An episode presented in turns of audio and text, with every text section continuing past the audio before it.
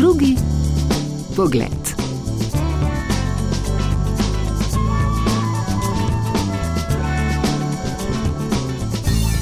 Dobro ranku, mene zvate Anna Aleksandrivna, vrhnjak.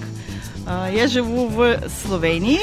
Dobro jutro, moje ime je Anja Vrhnjak, živim v Sloveniji, rojena sem Ukrajinka, skoraj 20 let sem že v Sloveniji. Klasično vprašanje, zakaj ste prišli?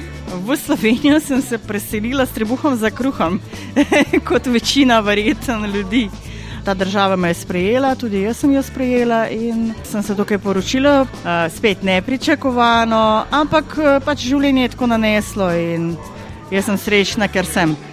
Rekli ste, da ste v Slovenijo prišli s trebuhom za kruhom, lahko bolj razložite, zakaj je šlo? V Ukrajini je pač šolski sistem oziroma uh, naprej šolanje plačljivo. Nismo imeli denarja za plačati šolanje, faks, tako bom rekla, direkt.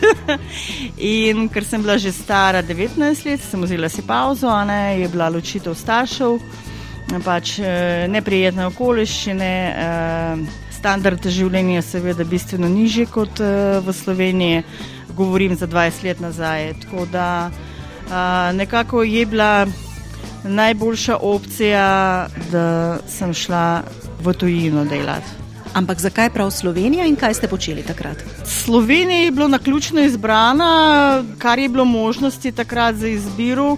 Zelo hitro smo reagirali s prijatelji in smo šli pač delati. Na ta, kar je v kuhinjo, take te poklice, ki ne rabijo, kaj dosti jezikovnega barijera. Ne. Pa ste takrat kaj vedeli o Sloveniji? Ne. Ko mi je prijateljica rekla, da grem v Slovenijo, sem jo prvo vprašala, kam. Jaz poznam Jugoslavijo, pač z teh časov poznala sem uh, Slovenijo, nekako nismo, ne, nisem poznala Slovenije. In kakšen je bil prvi vtis, ko je Ana prišla v Slovenijo? Čudovito, pravlična država. Hribe, narava, zelenje, ne vem, čistoča, to je prevzelo. To je bilo neverjetno. Zdaj živite v okolici Ljubljane, kje pa ste živeli v Ukrajini, kje ste odraščali, v mestu, na podeželju? Jaz sem živela v mestu, v blokih. Poročila sem se tukaj, ja, v obro, na obrobju Ljubljane, na kmetijo. tako da čist na glavo vse postavljeno. Kot pravijo slovenci, zarečenega kruha največ poješ. Tako da zgodilo se točno to, česa sem se bala oziroma upirala. Ampak ja, sprejela sem, dva otroka imam dvojčka, tako da čudovito se počutim na kmetiji. Ana pravi, da se povsod hitro prilagodi in išče le dobre strani. Kaj pa je bilo vendarle drugače, kaj jo je tu presenetilo? Uh, ja, drugače. drugače je že v osnovi mentaliteta, pa pogovor, uh, pogovorni jezik. Uh, ne vem, v teh časih, ko sem živela, je uporabljala se v, Ukrajini veliko letvic, tukaj pa ni nekako ve, več kulture je bilo, ulike je bilo več tukaj, um, nekako sproščeno, nisi se bal, da ti kdo kaj ukrade. To mi je nekako ostalo zelo v spominu, pa presenetilo manj smeti, no, oziroma čistoča, da ljudi spoštujejo okolje, v katerem živijo in tudi delajo na tem, to pomeni, pospravljajo za sabo, oziroma ne vem, če skadi cigaret, ne vrže ga na cesto. Čeprav, ja, ok, mogoče tudi tukaj ni temu tako, ampak takrat me je fasciniralo, kakšne flaše, recimo, se ne valjajo po cesti, vrečke, papirnate, ne vem. Take stvari, več, več istočeno, več dajo ljudi, tudi verjetno uslužbenci, ki pospravljajo ceste več tega. No. V Ukrajino se bolj redko vrača, a tudi tam se je v teh 20 letih veliko spremenilo, ne le v zadnjem letu. Tri, štiri leta nazaj, mogoče sem bila na zadnje, fascinirala me je mladina.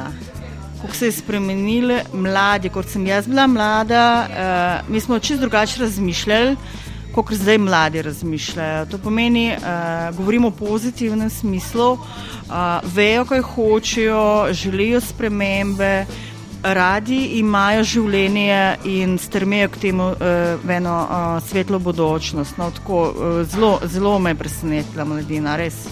To je bilo seveda še pred vojno v Ukrajini. Ja. Kako pa zdaj recimo spremljate to dogajanje v vaši domači državi? Ko se je začela vojna v Ukrajini, je seveda je bil totalen šok.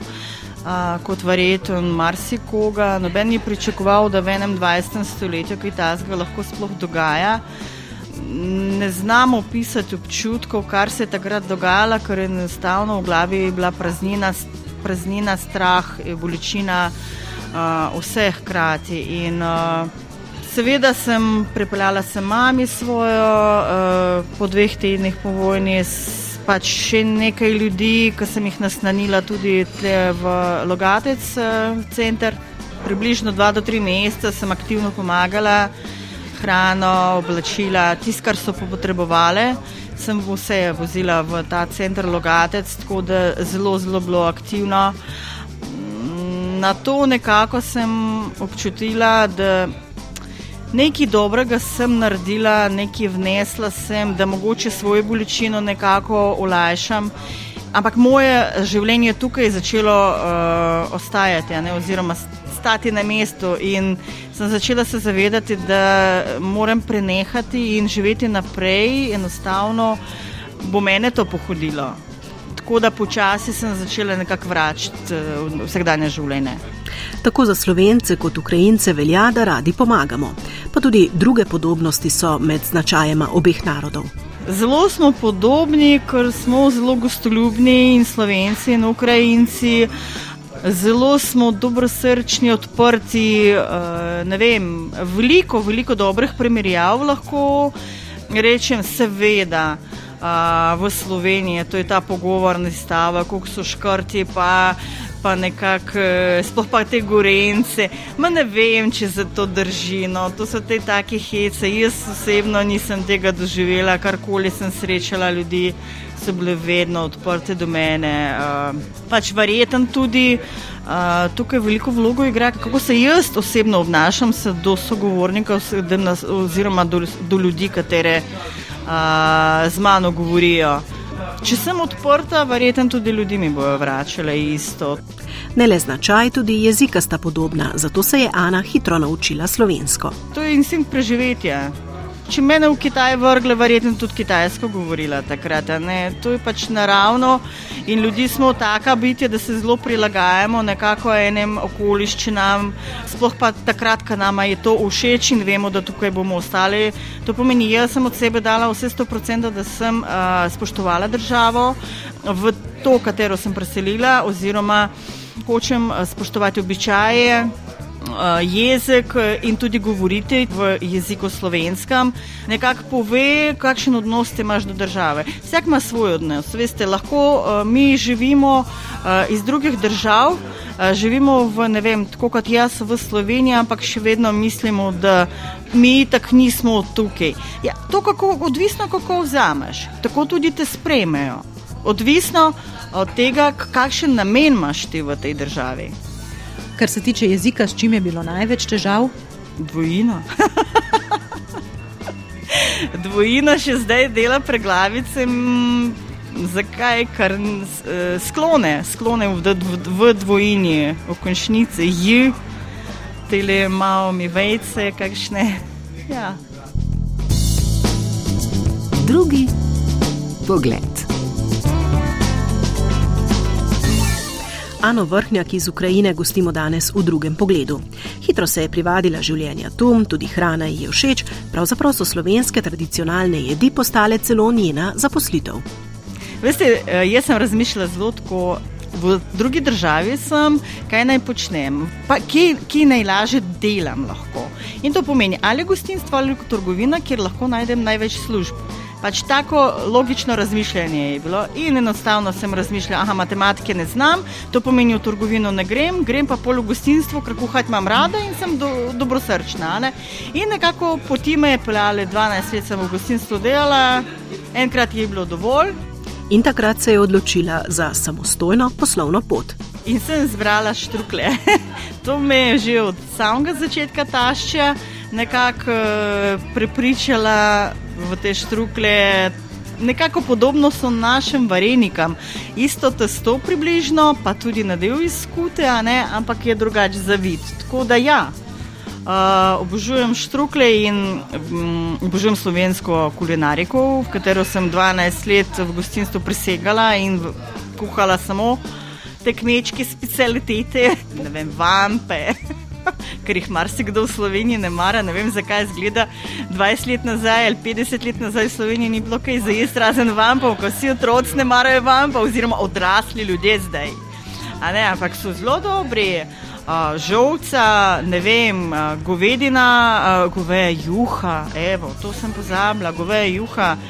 Pri nas govejih ni, je kurja župa, ne vem, uh, ampak goveje pa ne. Borš prenasa, ne, ampak se kuha, lahko se kuha iz uh, govedine tudi, ampak ni isto.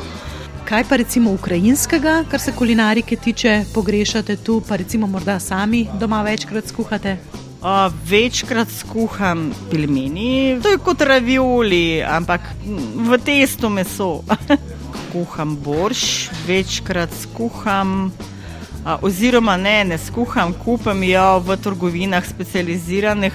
To je marinirana riba, katera pri nas reče silotka. In v Sloveniji jo ni, in slovenci tega ne razumejo, ampak to je zelo dobro. Doma torej kuha tudi ukrajinsko, za naročnike pa tradicionalne slovenske štruklje. Ima celo svojo blagovno znamko Anjini domači štruklji. In kako se odzovejo ljudje, ko jim slovensko jed na dom pripelje Ukrajinka? Navdušeni, ponosni veseli in uh, res, res, res odprtih rok. Uh, jaz nisem še dobila niti enega negativnega komentarja, zakaj Ukrajinka dela slovenske štrukle. Mislim, ne. Je, namen mojega dela nekako tudi uh, v tem, da ljudem tudi v Sloveniji pokažem, da tudi če si iz druge države, lahko uh, uspeš lahko spoštuješ in lahko vidiš dobre stvari v uh, prihodnosti svoje, tudi če si tujec. Je naslednja stopnja slovenska potica? Potratne potice že delam. Delam jih samo pred prazniki, po prednaročilih, ker vsa moja hrana, katero jaz delam, ne vsebuje konservancov. Veliko dam na kvalitetne sestavine in je posledično rok trajanja je zelo kratek, oziroma tam okrog 7 do 10 dni. Zaradi tega tudi ne prodajam to na veliko.